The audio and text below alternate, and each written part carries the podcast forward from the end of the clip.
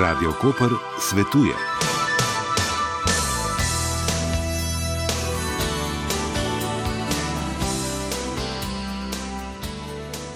Lepo pozdravljeni. Tokrat se svetovalno oddajo obračamo predvsem k ženskam, čeprav se z raztegom trebušnih mišic soočajo tudi moški.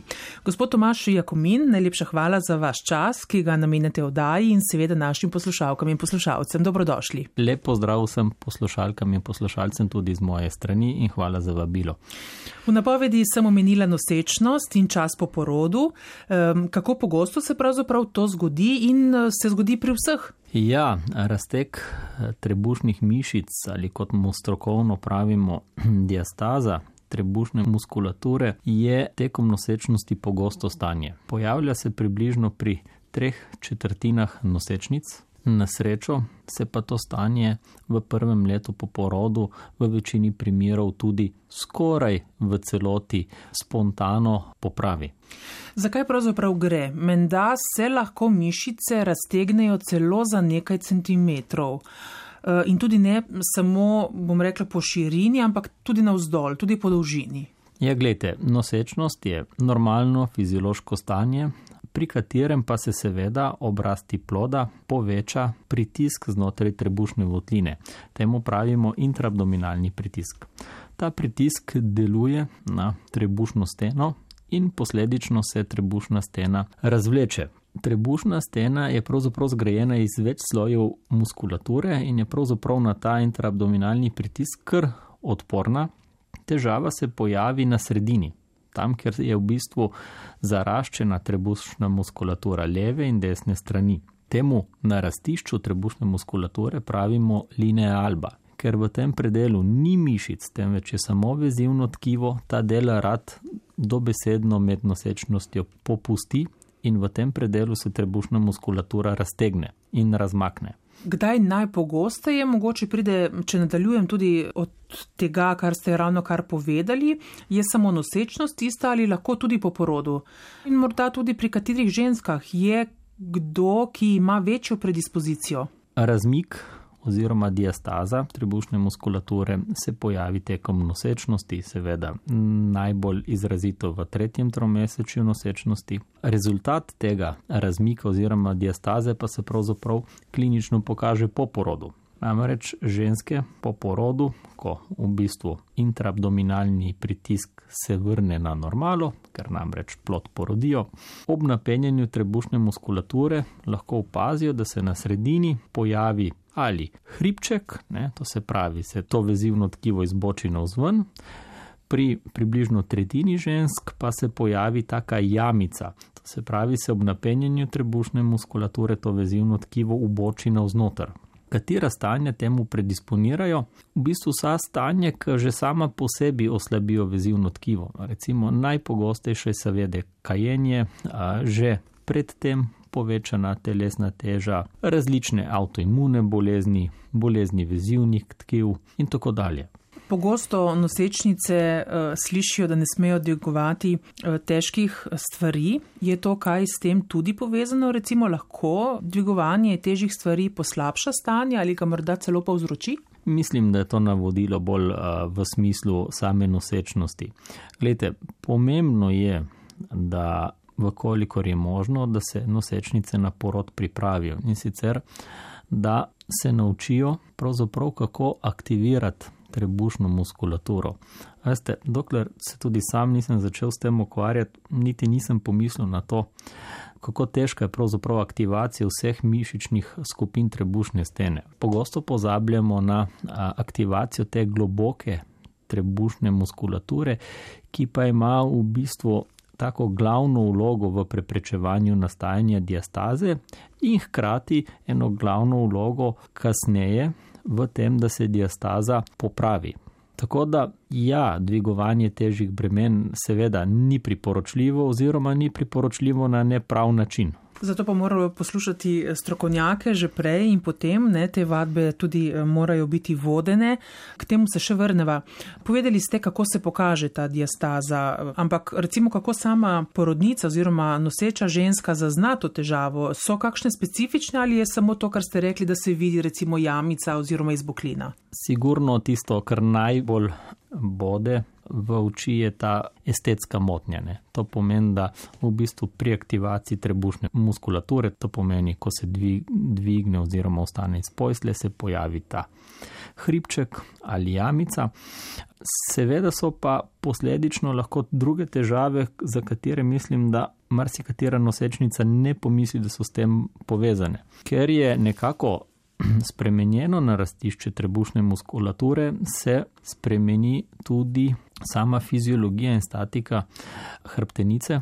Tako da je posledica diastaze lahko tudi bolečina v ledju oziroma v tem ledvenem delu hrbtenice. Spremeni se nekoliko tudi nagib medenice in se zato lahko pojavi neka oblika inkontinence za urin, sploh recimo ob fizičnih naporih in kašljanju, čemu pravimo nekako stresna inkontinenca. Kasneje se lahko pojavi tudi neka oblika zaprtja za odvajanje blata. In seveda tudi bolečine v trebuhu, že samo zaradi takega nefiziološkega raztega trebušne muskulature. Temu področju se zelo posvečate. Koliko je novega, kar ste ugotovili recimo v zadnjem času in v kakšno smer morda grejo še te raziskave? Moje delo me je nekako pripeljalo do tega, da sem se s tem začel ukvarjati, ker so k meni zahajale nosečnice, z, predvsem zaradi estetskih težav, pa nekako jim nisem znal pravilno svetovati, oziroma preprosto nisem vedel, kaj bi jim svetoval. No, in potem, ko človek začne o tem brati, dan danes so pač tudi na internetu različni videi, te to nekako kar potegne.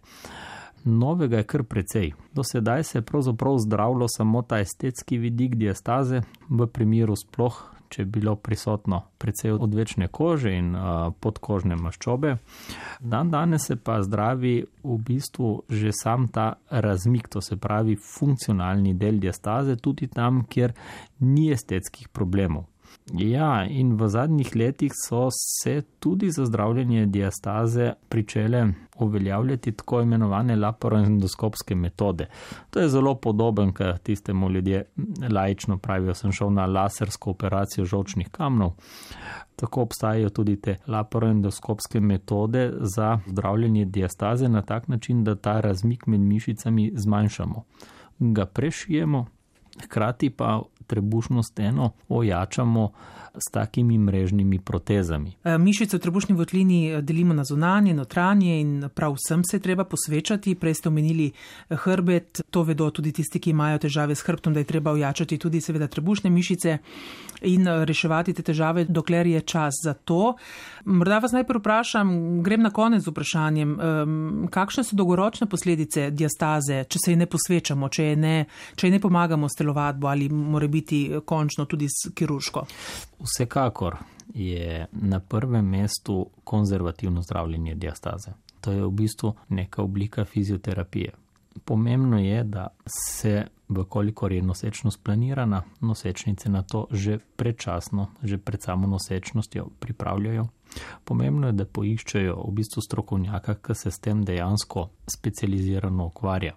Dan danes je zelo, sploh v zahodnem svetu, zelo popularna tako imenovana hipopresivna fizioterapija. To se pravi fizioterapija, pri kateri pravzaprav ne povečamo intraabdominalnega pritiska in je taka vadba primerna tudi za nosečnice.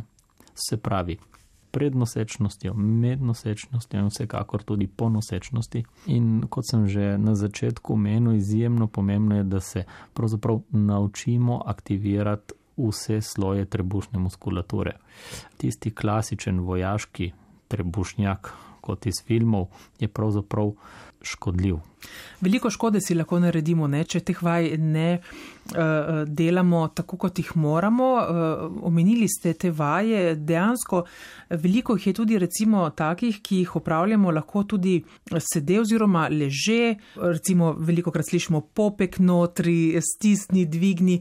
Ni potrebno takih naporov, da bi celo telo, težo telesa uporabili. Ne? Tako da so primerne te vaje ne samo za nosečnice, praktično za vse, tudi tiste, ki imajo težave recimo s hrbtom. Absolutno.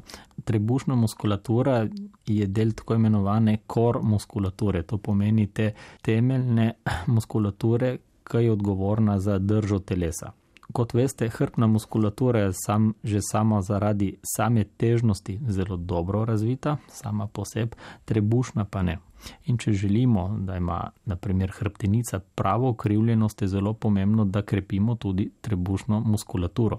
In dejansko je tako, da v bistvu, če izuzamemo tiste, ki se profesionalno ukvarjajo s fitnessom, je v bistvu krepitev trebušne muskulature pravzaprav zelo nežna je zelo nežna, počne se to leže z globokimi vdihi, zelo nežnimi gibi, vendar je pomembno, da nas to nekdo nauči. Tudi po porodu običajno porodnice obiščejo fizioterapeutke, fizioterapeuti in pokažejo nekaj vaj.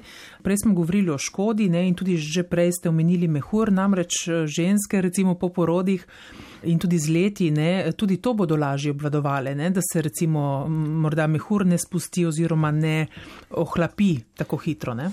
Ja, gledajte, pri ženskah že fiziološko starostjo pride do povešanja organov v medinici. Gre za medicinsko tri ločene kompartmente, seveda v sprednjem je mehur, v srednjem so rodila in v zadnjem kompartmentu so prebavila. Po porodu in seveda starostjo pride do pravzaprav povešanja vseh treh kompartmentov. Posledice na mehur so, da prihaja do različnih oblik inkontinence, posledice na rodila so, da prihaja lahko do spusta maternice, in posledice na prebavila so pa, da prihaja do raznih oblik zaprtja. Gre za tako zaprtje, pri katerem se črevo uviha samo vase in pravzaprav ne uspemo izločati blata. Dodatno pri nosečnicah seveda moramo biti še pozorni na poškodbe, ki se zgodijo med samim porodom in to so tako poškodbe lahko prebavnega trakta kot poškodbe urinarnega sistema. V napovedi sem omenila možnost pojave eh, diastaze tudi pri moških. Prebrala sem, da celo pri eh, dojenčkih lahko. Koliko pogosto se to dogaja? Z diastazo pri dojenčkih nimam izkušen. Gre za neko zapiranje te srednje eh, trebušne črte, neko kombinacijo diastaze pa popkovne kile, vendar je značilno, da se to nekako do sedmega leta običajno spontano zapre. Glede moške populacije, ja, diastaza prav tako ima enak, enako etiologijo ne, in to je tudi nastane zaradi povišenega intraabdominalnega pritiska, vendar je ta predvsem posledica prekomirne telesne teže. In seveda se te diastaze ne zdravi, vkolikor v bistvu bolniki ne delajo na tem, da bi izgubili telesno težo. Morda, gospod Jakomin, za konec, kaj bi še svetovali? Predvsem bi svetoval to, da se začne o tem pogovarjati, da se začne o tem govoriti. Namreč diastaza ni samo estetska težava, ampak če ostane nezdravljena, lahko povzroča številne druge težave, kot smo rekli, bolečine v hrbtu, motnje odvajanje vode, motnje odvajanje blata in vkolikor je ugotovljena pravi čas, se da pač relativno enostavno z nekaj dobre volje, s pravimi vajami to pravzaprav pozdraviti. In verjemite, malo je diagnoz, ki bi se dalo na tak enostaven način pozdraviti. Če pogledamo čisto pred koncem, še naprej smo pred kakšnim prebojem, recimo kar se tiče operativnih posegov z vašega področja, torej abdominalne kirurgije? Ja, gledajte, tukaj gre v osnovi za klasičen problem zdravstvene zavarovalnice Slovenije. Enkrat te posege zavarovalnica ne krije in jaz upam, da bo pač v neki bližnji prihodnosti, tako da bo podobno kot v tujini zdravstvena zavarovalnica krila tudi te posege, ker kot že rečeno, ne gre za estetiko, gre predvsem za funkcijo. Radio Koper svetuje.